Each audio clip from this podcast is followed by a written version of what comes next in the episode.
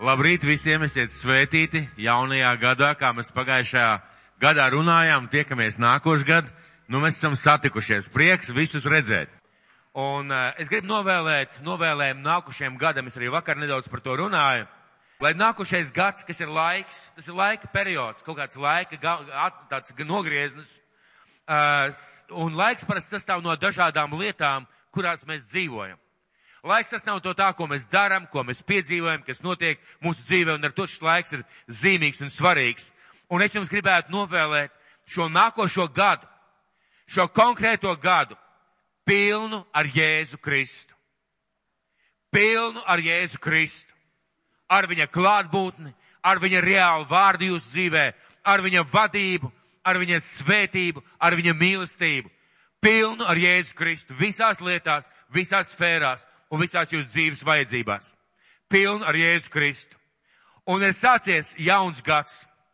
Ir sācies jauns gads, un šis gads uh, būs zīmīgs ar dažām interesantām lietām. Un pirmām kārtām šis gads būs Dieva žēlstības gads.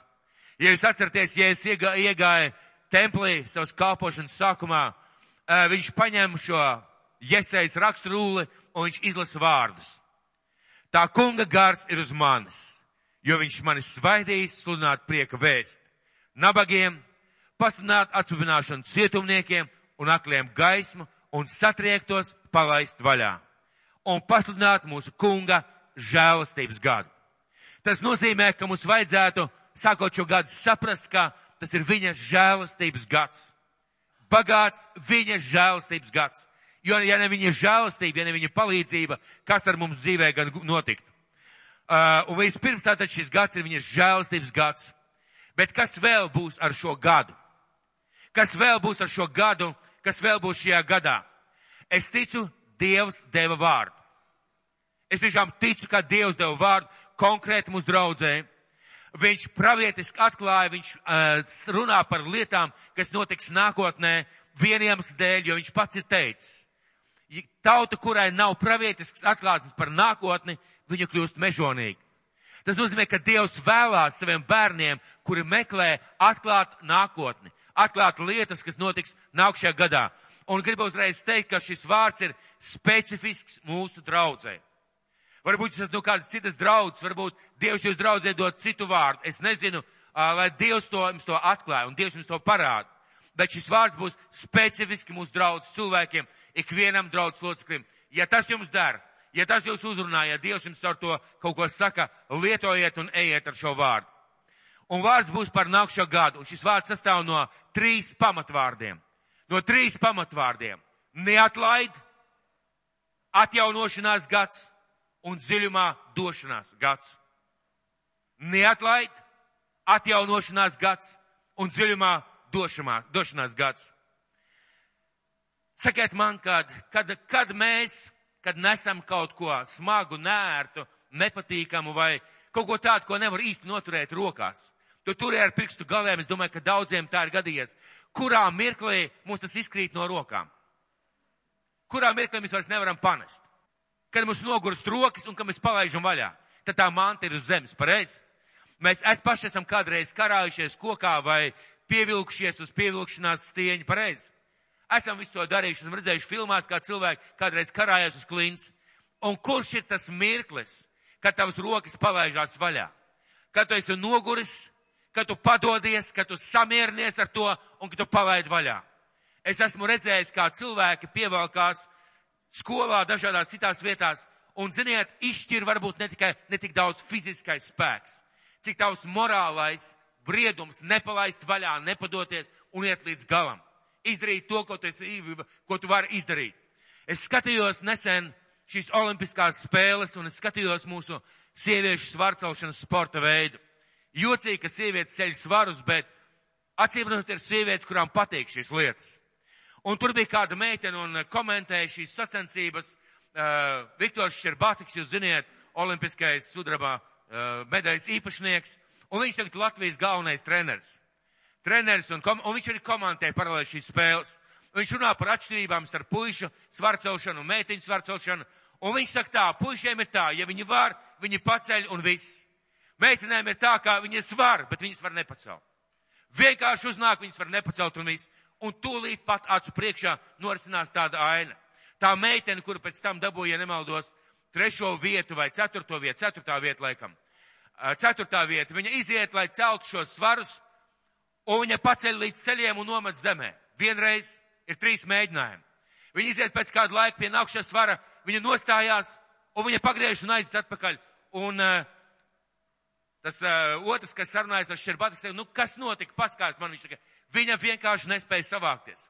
Un ļoti interesanti pēc tam kadru rāda, kā filmē, kā Šerbatiks runā ar šo meiteni, viņš runā apmēram tā. Viņš sarunājas ar šo meiteni. Un uh, pēc tam parāda atkal, Šerbatiks atgriežas savā vietā, un burtiski tas tāds minūšu laiks, kaut kāds 2, 5, 10 minūtes. Un parāda šo meiteni, viņa pieiet, viņa paņem šo stangu un paceļ. Un tas, tas saruna biedrs Šerbatikam, tas, ko tu viņai pateici? Kas tas bija, ko tu viņai pateici? Kāpēc viņa varēja pacelt un pirms tam nevarēja? Viņš teica, es viņam pateicu, tu vari iegāzt savu treneru, tu vari iegāzt savu valsti, savācies, saņemies, tu to vari. Un viņa varēja. Fiziski viņa varēja, bet tajā mirklī, kad viņa palaida savās rokas vaļā, viņa nevarēja, un viņa bija jau padavusies, viņa zaudējusi. Un es domāju, ka viņa pēc tam bija note, noteikti priecīga. Pareizi. Noteikti priecīga, jo ceturtā vieta Olimpiskajās spēlēs tas ir milzīgs, svarīgs panākums priekš tādu sportistu kā, kā Latvijas mazā, mazā Latvija. Un lūk, tajā mirklī, kad mēs palaižam vaļā, tajā mirklī, kad mēs palaižam vaļā, mēs pazaudējam to, ko Dievs mums gribētu gribējis, būtu gribējis iedot. Kurā mirklī mēs palaižam vaļā? Kad mēs pazaudējam savus sapņus? Kad mēs pazaudējam to, par ko mēs sapņojam, par ko mēs domājam, ka es gribētu to piedzīvot? Kurš ir tas mirklis, kad mēs pazaudējam savas ilgas, savu apņemšanos, savus mērķus, cilvēkus mums apkārt, svētības, ko Dievs gribējis iedot, Dieva plānu mūsu dzīvē, Dieva uzvaras, aicinājumu, Dieva brīnumu savā dzīvē? Kurš ir tas mirklis, kad mēs samierināmies, ka tas nenotiks? Kad mēs samierināmies, ka tas nenotiks, ka tas mums neizdosies, kad mēs padodamies un kad mēs palaižam vaļā. Palaižam vaļā tās lietas, par kurām esam cīnījušies. Un rezultātā mēs esam noguruši, palaižam vaļā un peldam pa straumu. Un tad mums atliek tikai pateikt, pagājušajā gadā es gribēju kaut ko izdarīt, bet man neizdevās. Nu, laikam nav Dieva prāts vai laikam nav Dieva griba. Un parasti mīļie, parasti mīļie, parasti mīļie tā nav Dieva griba. Jo Dievs saviem bērniem neieliek sapņus vienkārši kaut kādas fantastiskas lietas. Parasti Dievs ieliek kaut kādus mērķus, gribu, lietas, kuras Dievs grib svētīt, kuras tu vari izdarīt, kuras būs par svētību tev cilvēkiem apkārt. Un Dievam priekš mums ir brīnums. Mīļie, Dievam patīk darīt brīnums. Ja jūs skaties uz evaņģēliju, jūs ieraudzīsiet, ka Jēzum patika darīt brīnums. Viņam patika cilvēkus vest cauri brīnumiem. Viņam patika to darīt. Iedomājieties, viņi iekāp jūrā, iekāp laivā, un laivā ir jūr, jūras vidū un ir vētra. Vai Jēzus nezināja, ka būs vētra? Vai viņš nezināja, ka, ka, ka laiva gāz, laivā gāzsies ūdens? Viņš zināja. Bet viņš gribēja, lai šie mācekļi piedzīvo brīnumu. Kad viņš Pēterim pasaka, nāc pie manas ūdens virsmas, kāpēc viņš to izdarīja? Tāpēc, ka Pēters gribēja pirmām kārtām, un otrām kārtām viņam patīk darīt brīnums. Un viņš grib darīt brīnums mūsu dzīvē. Darīt reālus, fantastiskus brīnums mūsu dzīvē.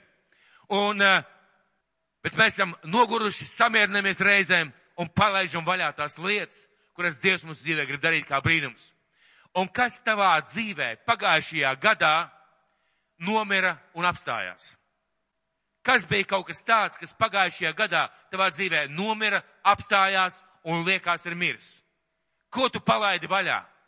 Ar ko tu samierinājies? Kam tu pateici, nu laikam tas man neizdosies? Noteikti visiem ir tādas lietas, pareizi. Un ja tev nav tādas lietas, šajā gadā es tev pravietiski saku, atnāks kaut kas tāds. Atnāks kaut kas tāds, un Dievs noteikti grib tev kaut ko pateikt šodien, šajā pirmajā dievkalpojumā. Sakiet, kas ir neatlaišana? Pirmais vārds. Pirmais vārds ir neat, nelaid vaļā. Neatlaid nelaid vaļā. Pirmais vārds ir nelaid vaļā no šiem trīs vārdiem, ko Dievs man deva. Kas ir neatlaišana? Kas ir neatlaišana, kad mēs neesam samierinājušies, kad mēs ejam kaut ko darām, kad mēs lūdzam, kad mēs meklējam, kad mēs darām, kad mēs piecinamies no savas vietas, kad mēs vienkārši nepadodamies, sakam, nē, es iešu šo mērķi. Un Dievs saka, ka mēs to varam. Mē, kad mēs darām lietas, kas mūs ved uz šo brīnumu. Kas ved uz šo brīnumu, jo lietas, kuras neprasa brīnumu, tas ir ļoti vienkārši. Tu to vienkārši dari. Cik vajag brīnumu, lai uzvārītu cīsiņus savā katlā? Cik daudz brīnumu vajag? Ja tev to cīsiņu nav, tad vajag, jā? Ja? Cik vajag brīnumu attaisīt ledusskapi un izņemt, es nezinu, kādus produktus. Cik vajag brīnumus aiziet uz darbu un uh, vienkārši izdarīt savu, savu vienkāršo darbiņu. Visur vajag Dievu žālstīt, bet cik vajag brīnums. Bet ir lietas, ir lietas, kuras mēs nospraužam savā dzīvē. Ir lietas, par kurām Dievs runā. Vai tā ir vingrošana, vai tas ir jauns darbs, vai tas ir uh, beidzot tikt galā ar savu ēdienu kartu vai beidzot tik galā ar savu figūru, vai beidzot tik galā ar lietām, kuras nepārtraukt zūdos un bēdājos un skumstu. Vai tā ir vieta, vieta, kur tev liekas, tu vairs negribi kalpot, vai tev neizdodas, vai tu esi gatavs padoties. Tur visur vajag brīnumu. Tur viss vajag dievu brīnumu. Un pirmā lieta, pirmā lieta, ja pirmais vārds, nelaid vaļā. Un es ticu, ka svētais gars uz mani runāja, un šis vārds, šis vārds būs tieši tev priekš daudz kopumā, priekš katra cilvēka un priekš ikviena no mums. Uh, un Dievs savu atklāsmu vienmēr vai nu izgaismo caur savu vārdu, caur bībeli, vai paceļ augšā caur bībeli, vai apstiprina caur savu bībeli. Un Dievs nevis vienkārši man deva šo vārdu, viņš paralēli, es lasīju šo vietu, viņš paralēli runāja, paralēli atklāja, paralēli deva saprašanu Un es gribētu tev lūgt, vienkārši notic. Vienkārši notic. Notic Dievu vārdam. Un es gribu lasīt, lasīt Lūkas evaņģēlī. Lūkas evaņģēlīs 8. nodaļa, 40. un 41. pants. Un kā jau es teicu, uztver to kā vārdu priekš sevis. Uztver kā vārdu priekš draudzes, priekš savas kalpošanas, priekš savas ģimenes, priekš saviem sapņiem uztver kā vārdu priekš šī gada. Un, ja jums ir līdz bībeles, lūdzu, sekojiet līdz bībelēm un pierakstiet, ko Dievs mums pašiem personīgi pasaka. Un 40, 40. pants. Kad Jēzus griezās atpakaļ, ļaudis viņu saņēma, jo visi viņu gaidīja. Un redzi, tur bija nāca vīrs vārdā Jērs. Tas bija sinagogas priekšnieks, un nokritis Jēzum pie kājām, viņš to lūdza nākt viņa namā. Jo viņam bija viena vienīga meitiņa, ap 12 gadu veca, un tā gulēja uz miršanu, un viņam ejot ļaudis drūzmējās ap to. Tātad, pirms mēs runājam par šo jāiru, es gribu tev pajautāt, vai tu vari savā bībelē, vai savā galvā, vai savos pierakstu kladē mirklīt veltīsim laiku, lai mēs uzrakstītu, kas ir nomiris pagājušajā gadā? Ko tu esi palaidis vaļā? Ko tu neesi izdarījis, ko tev vajadzēja izdarīt? Vienkārši paņem uzrakstu. Veltīsim mirklīt laika. Vai ir kaut kas tāds? Mājās noteikti uzrakstiet. Jo Dievs nedod vienkārši vārdu zilā uz zilu gaisu, viņš dod vārdu uz konkrētām vajadzībām, konkrētām lietām mājās. Paņemiet vienkārši un uzrakstiet. Un 40. pāns vēlreiz. Kad Jēzus griezās atpakaļ, ļaudis viņu saņēma, jo visi viņu gaidīja. Un redzi, tur nāca kāds vīrs vārdā Jērs, tas bija sinagogas priekšnieks, un nokritis Jēzum pie kājām, viņš to lūdza nākt viņa namā. Jo viņam bija viena vienīga meitiņa, ap 12 gadu veca, un tā gulēja uz miršanu, viņam ejot, ļaudis drūzmējās ap to. Tad Jērs, viņš ir sinagogas priekšnieks. Viņš atbild par divkalpojumiem, viņš atbild par ziedojumiem, viņš atbild par vārdu, par kārtību dievnamā. Viņš ir bagāts, turīgs vīrs. Varētu tā teikt, tā turīgs vīrs. Turīgs vīrs un uh, viņam piedara daudz lietas un viņam ir vara kaut kāda autoritāte. Otrā lieta, viņš ir ticīgs cilvēks. Viņš ir ticīgs cilvēks un viņš noteikti lūdza par Dievu, par savu meitiņu. Viņš pazina Dievu. Viņš lūdza Dievu par savu meitiņu. Es neticu, ka viņš skatījās kā meitiņa pamazām izdziest un vienkārši klusēja un vienkārši gaidīja, kad Jēzus atnāks. Viņš vienkārši lūdz Dievu.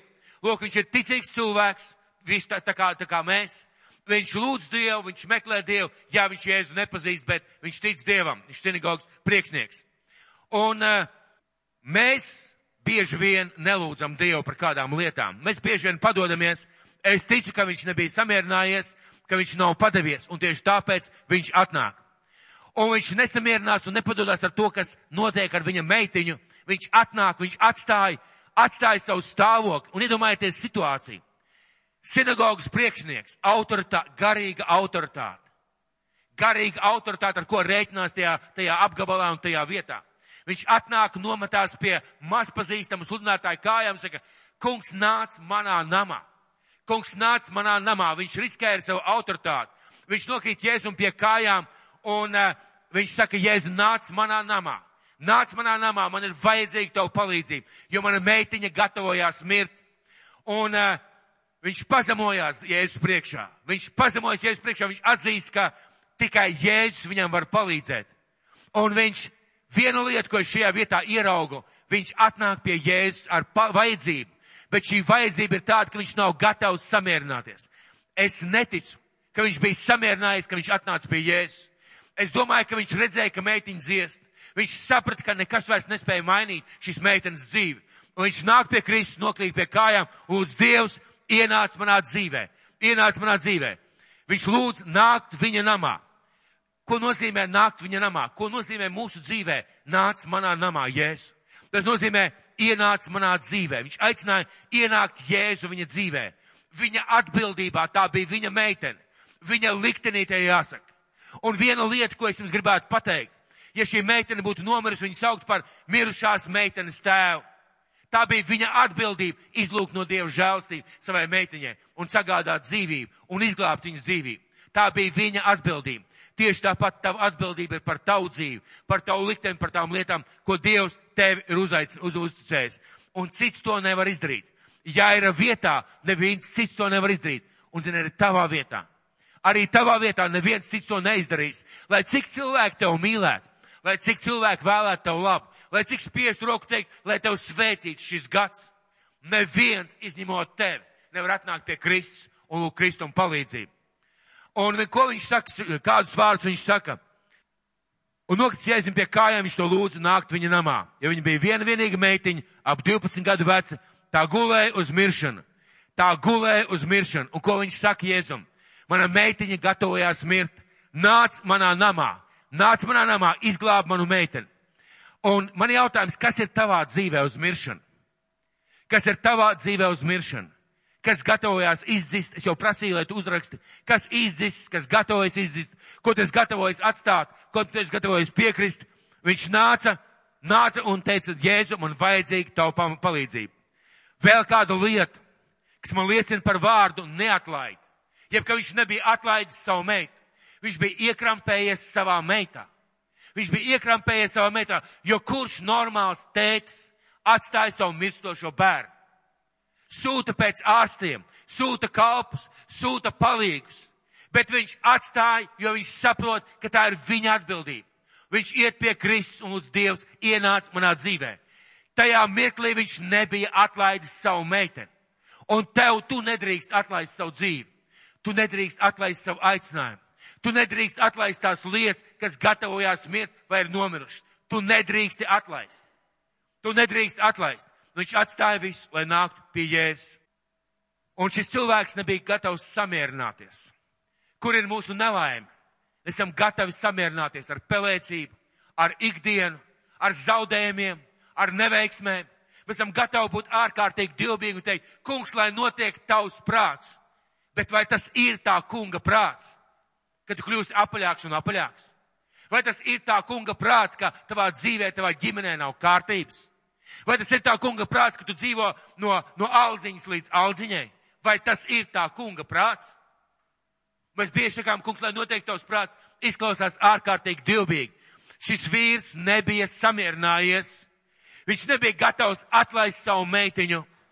Un tu nedrīkst samierināties. Es nedrīkstu samierināties. Draudze, mēs nedrīkstam samierināties. Jūs nedrīkstat samierināties ar lietām, kas gatavojās mirt vai arī nomirušas. Un lasīsim tālāk. 49. 56. pants, un mēs redzam, ka Jēzus iet. Šajā 42. pantā, un viņam ejot, ļaudis drūzmējās ar viņu. Mēs redzam, ka Jēzus iet. Un ie, ie, ie, ievērojiet, runa ir par laiku. Jēzus iet. Tātad viņš iet, paiet kaut kāds laiks, un 49. 56. pants. Un viņai vēl runājot, nāk kāds sinagogas vecākā sūtīts cilvēks un saka, tavu meitiņa ir mirusi, neapgrūtini mācītāju. Tavu meitiņa ir mirusi, neapgrūtini mācītāju. Piefiksēsim, ir pagājis laiks.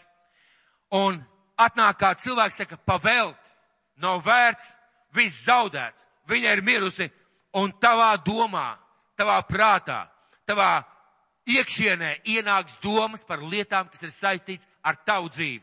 Nav vērts, man nav lemts, man nav lemts, viss pagalām, nav dieva griba, man neizdosies, es neesmu pietiekoši labs, es neesmu pietiekoši garīgs, es neesmu pietiekoši tū dievam, es neesmu pietiekoši kristīgs, es neesmu pietiekoši stiprs dievā, un es ļaušu, ļaušu šīm lietām aiziet, pazust mūžībā.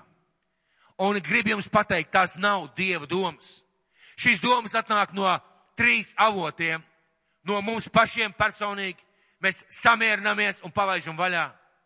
No mūsu pretinieka, no vēlna, viņš grib iesēt šīs domas, lai tu nekad neieraudzītu brīnumu. Un šīs domas, šie vārdi atnāk no cilvēkiem, kas tevi bremzēs, centīsies apstādināt, centīsies pateikt, nav vērts, nav vērts. Un tas nenāks no Dieva. Mīļie, es jums šodien gribētu pateikt ar visu atbildību un autoritāti. Šādas domas nenāk no Dieva. Ja tas, ko tu biji iecerējis, bija labs, ja tas, ko biji tu gaidījis, bija vērtīgs, ja tas, ja to apstiprina Dieva vārds, tad tev tu vajadzēja iet tālāk un neatlaist. Pirmā lieta - neatlaist, nāk pie Jēzus, un tieši mēs šajā gadā arī darīsim. Tikai no vēlna atnāk tādas domas. Es dzirdēju kādu diskusiju kristīgajā radio, un mācītāji diskutēja par kādu jautājumu. Jūs zināt, ka Pāvils raksta savā vēstulē, man ir dots sātana zelonas miesā, lai viņš man sist ar dūrēm, lai es nekļūtu lepns. Un es trīsreiz jē, Jēzum esmu lūdzis, lai viņš paņem šo dzeloņu projām. Bet viņš man ir teicis, tev pietiek ar manu žēlastību. Un diskusija gāja, ziniet par ko? Kāda slimība Pāvilam bija? Vai tās bija vajāšanas? Vai viņam bija problēmas ar acīm, kā Bībelē to var atrast? Vai tās bija kādas citas lietas? Un, ka tas nozīmē, ka ne jau visus Dievs dziedina. Ne jau visiem ir Dieva griba, ka Dievs dziedina.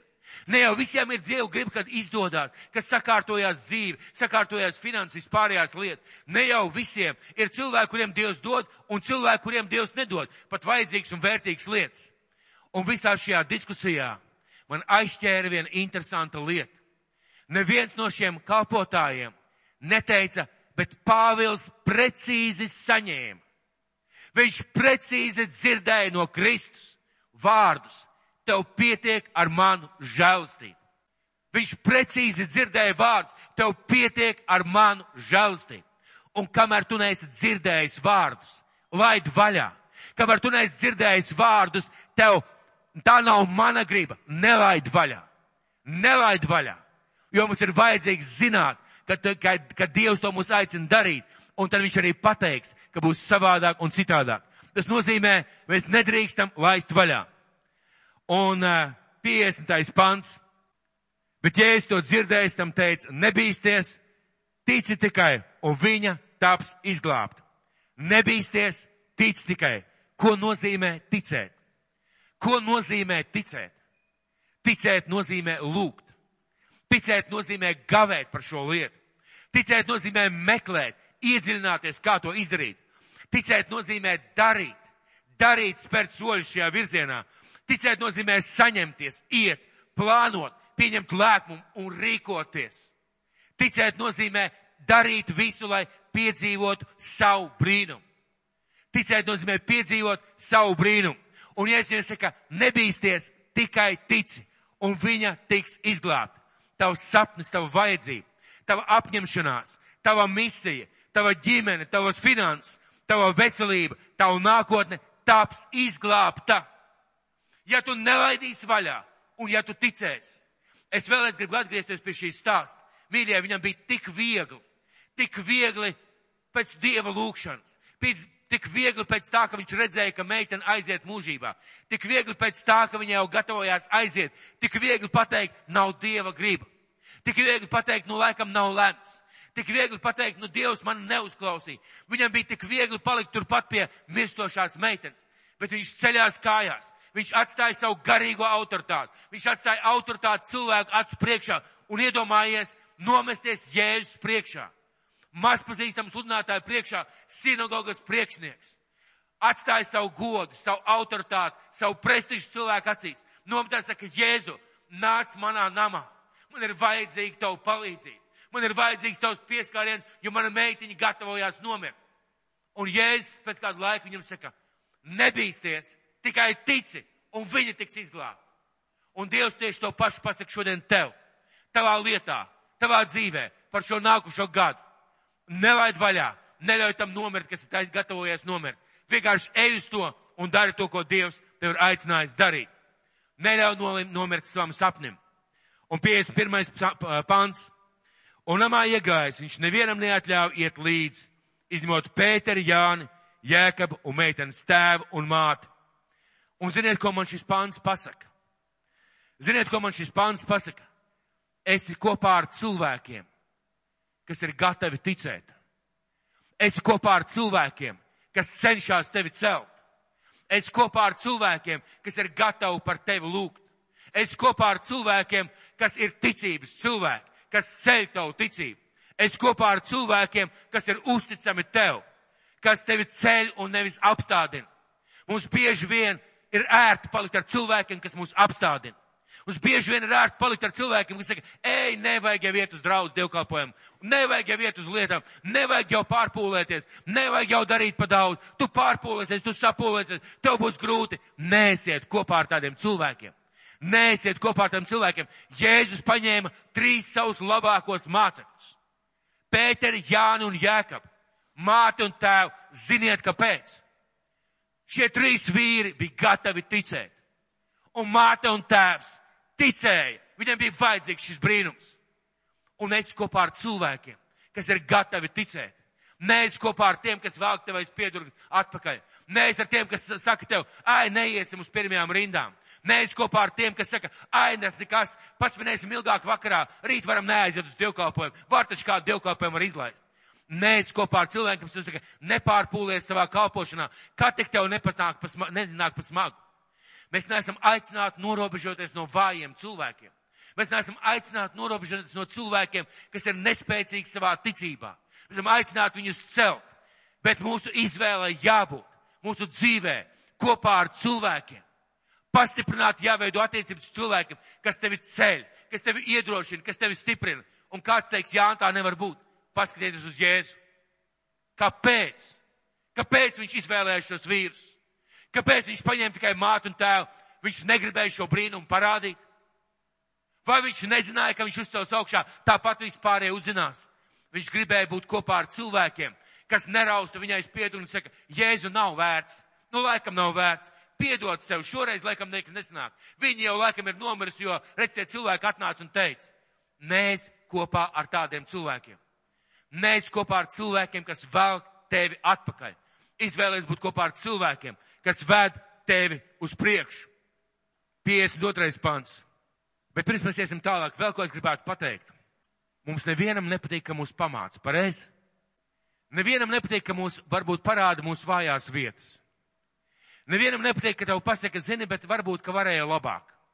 Nevienam nepatīk, ka tev pasaka, zini, bet manuprāt, vajadzēja darīt tā. Un mēs parasti no tādiem cilvēkiem tā kā sākam norobežoties. Man pārmeta, man aizrādīja, redz, kā viņš man nepieņēma, redz, kā viņš nenovērtēja. Un ziniet, ko Bībele saka? Tā dara muļķis. Bībele skaidri saka, tā dara muļķis. Palasiet Salmanu pamācības. Un Salmans saka, uh, dod pērienu taisnajam, jeb gudrajam, un viņš augs un viņš mācīsies. Ja tu māci muļķi, tu sacelsies, tu sacelsi tikai jēzgu. Un tikai muļķis uzmet lūpu un saka, nē, viņš man nepieņēma. Viņš man nokritizēja, viņš deva padomu, viņš pateica, kā no malas izskatījās. Tikai muļķis. Pat, patiesībā tie cilvēki, kas mums saka padomus, es savā dzīvē esmu piedzīvojis un nav patīkami dzirdēt.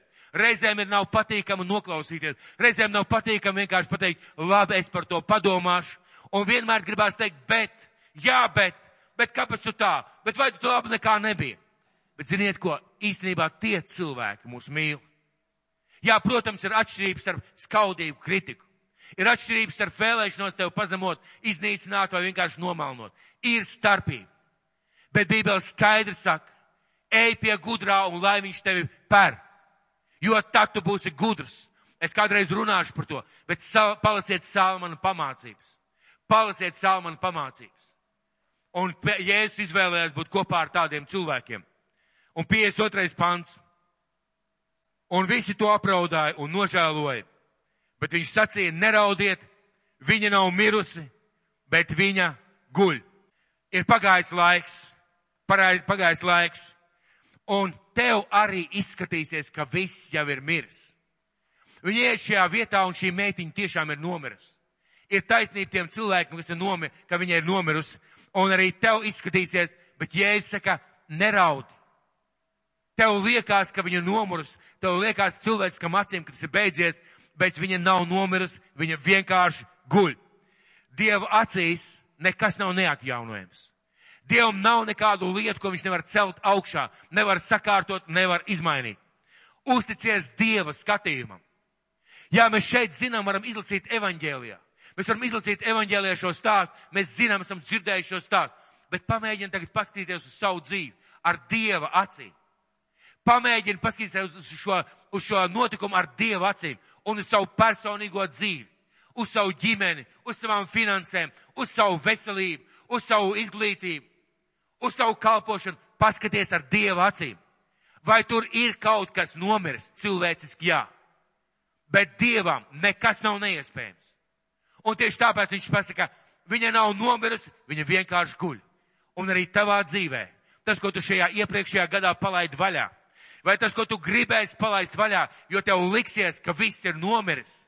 Zini, tas nav nomiris. Tas vienkārši guļ. Un ja es to gribu celt augšā, svarīgais iet kopā ar Dievu, Dieva veidā. Iet kopā ar Dievu, Dievu veidā, meklēt, kā Viņš iet. Ko Viņš dara šajā situācijā. Kā Viņš rīkojas šajā situācijā. Meklē Viņa vārdu priekš savas dzīves. Jo var jau, protams, rīkoties miesīgi. Var darīt lietas, kas ir neprātīgas. Var pieņemt lēmumus, kas balstās, es vienkārši iešu un darīšu. Meklē Dievu gribu, meklē viņa palīdzību un meklē vārdu no viņa, reālu vārdu no viņa. 53. pants. Tad tie viņu izsmēja, zinādami, ka tā bija nomirusi. Un cilvēki teiks, un apstākļi teiks, nav Dieva griba. Zini, nav Dieva griba, ka tavi tuvinieki vēl nav atgriežušies gan pienāks laiks, un zini, kas notiks? Vienu dienu tu stāvēsi pie savu tuvinieku zārka, un tu domāsi par vēlu. Par vēlu. Neko vairs nevar izmainīt. Un tad tev būs jāraud rūkts asars, jādomā, kāpēc es nepieliku pūles? Kāpēc es nelūdzu? Kāpēc es nerunāju? Kāpēc es nebiju, neparādīju tādu uzcītību šajā lietā? Vienu dienu tu stāvēsi pie savas sabojātās veselības un lūgs, lai Dievs dziedina pārdabiskā veidā to, ko tev vajadzēja sakārtot. Vienu dienu tu stāvēsi pie sasulušām vēsām attiecībām starp cilvēkiem savā ģimenē vai vēl kaut kur viena iemesla dēļ. Tu nebūsi vienkārši gājis un teici, Dievs palīdz man un neatlaidis vaļā. Un izskatīsies, ka viss ir miris. Šie cilvēki izsmēja un teica, nekāds nav vairs glābjams, viss ir pa galam, viss ir, viss un nav Dievu grib. Un cilvēki var noskatīties, un svarīgākais, ka tu pats var redzēt, ka viss ir pagalām. Un citos evaņģēlijos, citos evaņģēlijos, Mateja, Marka, ziniet, kas tur rakstīts? Izdzinis visus ārā. Viņš izdzina visus šos te padomu devējus, tur nekas nav. Nav dieva griba, izdzina vienkārši ārā. Kā tas notika? Mīļie, vai jūs nebūtu tik laipni? Esiet lūdzu tik līdzsirdīgi un tik žēlsirdīgi. Esiet lūdzu iecietīgi. Vai es varētu jūs palūgt atstāt šīs telpas? Vai, vai tās domas, vai, mīļās, mīļās labās domas, kas, ka, ka man nekas neizdosies, vai es varētu palūgt jūs vienkārši man nemocīt? Vai es varētu palūgt veselību pārēšanās, nezinu, ģimenes problēmas vispārēj, vienkārši man neuzmākties? Ļaujiet man padzīvot tādā maigā, siltā spilventiņā. Jēzus izdzina ārā. un dzen prom no sevis tādus cilvēkus.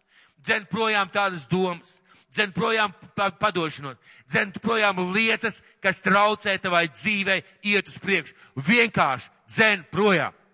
Dzen projām un neaiz kopā ar viņām. Un 45. 54. pants.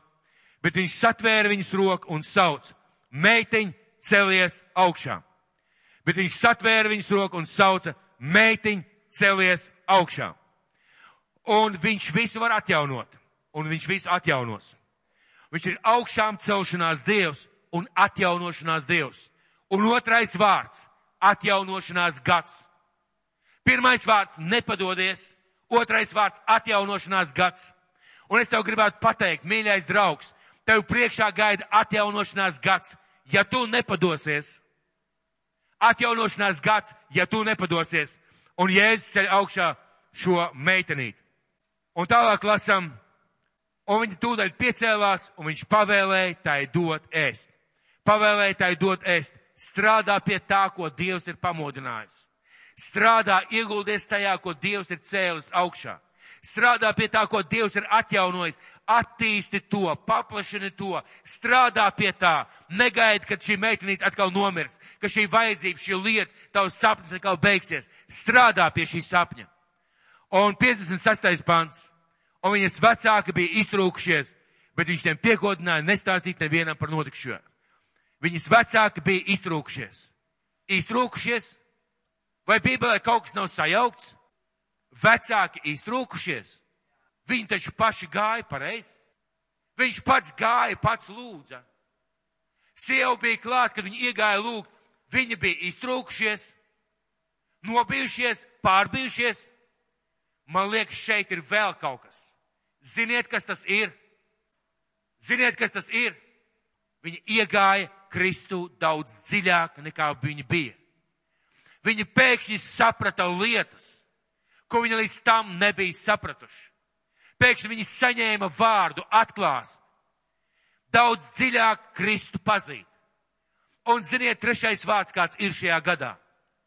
Tas būs došanās dziļāk gada, gads. Dziļāk Dieva došanās gads. Iedomājieties, vecāki un mācekļi. Viņi redz, kā šī meitenīte, mirušā meitene, pieceļās. Viņi redz viņu ceļamies augšā. Viņi redz, kā viņi pieceļās augšā. Mēs visi esam bijuši bērēs. Pamēģiniet iedomāties ainu. Viņi redz, kā šī meitenīte pieceļās. Viņi redz, kā Jēzus padod viņai roku, kā viņa pieceļās augšā, acīm redzot, izkāpj ārā no gultas. Viņu acis tos redz. Viņu ausis dzird, kā meitenīte noteikti sāk runāt. Un viņu atklāsim par Kristu, atklāsim par Dievu varenību. Ir daudz savādāk, daudz savādāk nekā līdz šim bija. Un viņa mācekļi, māte un tēvs ir daudz dziļāk iepazinuši Dievu. Man ir kāds draugs, kas staigāja pa jūras krastu, viņš stāstīja šo atklāsmu.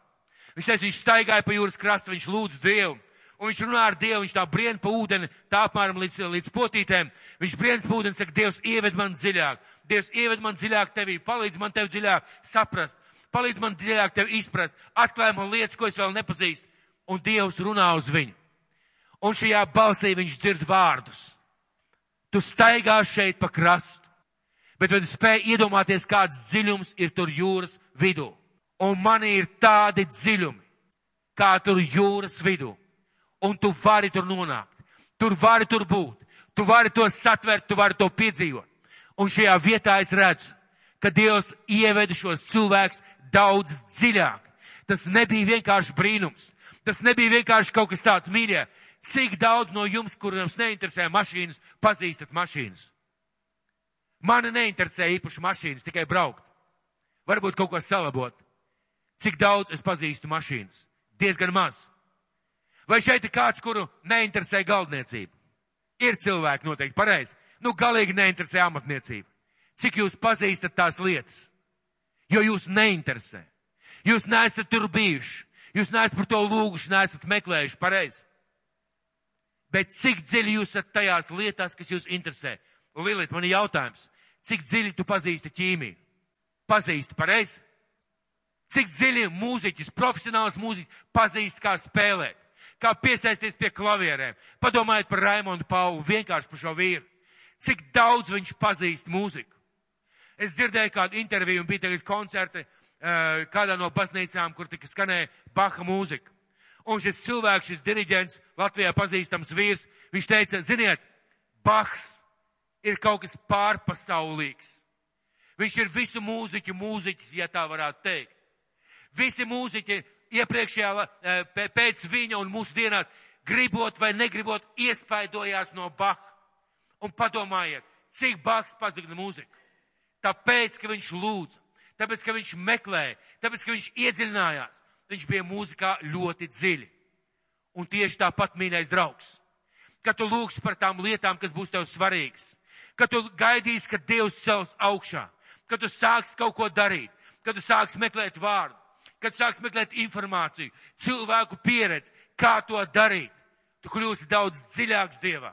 Daudz dziļāks Dievā tajās lietās, kurās Dievs grib tevi ievest. Šis vīrs nebija atlaidis. Šis vīrs nebija atlaidis. Jēzus atjaunoja, un viņa gāja dziļāk.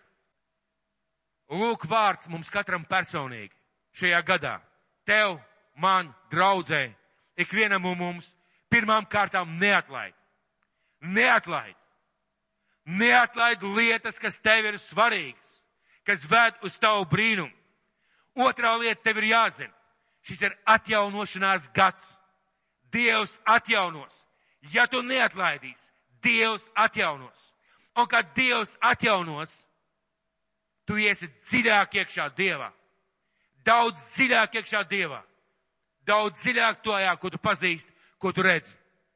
Trīs lietas. Neatlaid. Un ja tu neatlaidīsi, šis būs atjaunošanās gads un dziļāk došanās gads, lai Dievs mūs uz to svētī. Es to tiešām novēlu pats sev. Es to novēlu jums. Un es jums novēlu dzīvot šo gadu ar šo vārdu. Jūs varat aizmirst visu, ko es teicu. Paņemiet šīs trīs lietas. Neatlaid. Neatlaid savu brīnumu, savu svētību, savu dievu gribu. Zini, ja tu neatlaidīsi, Dievs atjaunos. Viņš cels augšā no mirušajiem. Un trešā lieta, tu būsi daudz dziļāks, tu būsi daudz bagātāks, tu daudz vairāk izpratīsi Kristu. Un lai Dievs mūs svētī, ikvienu uz to.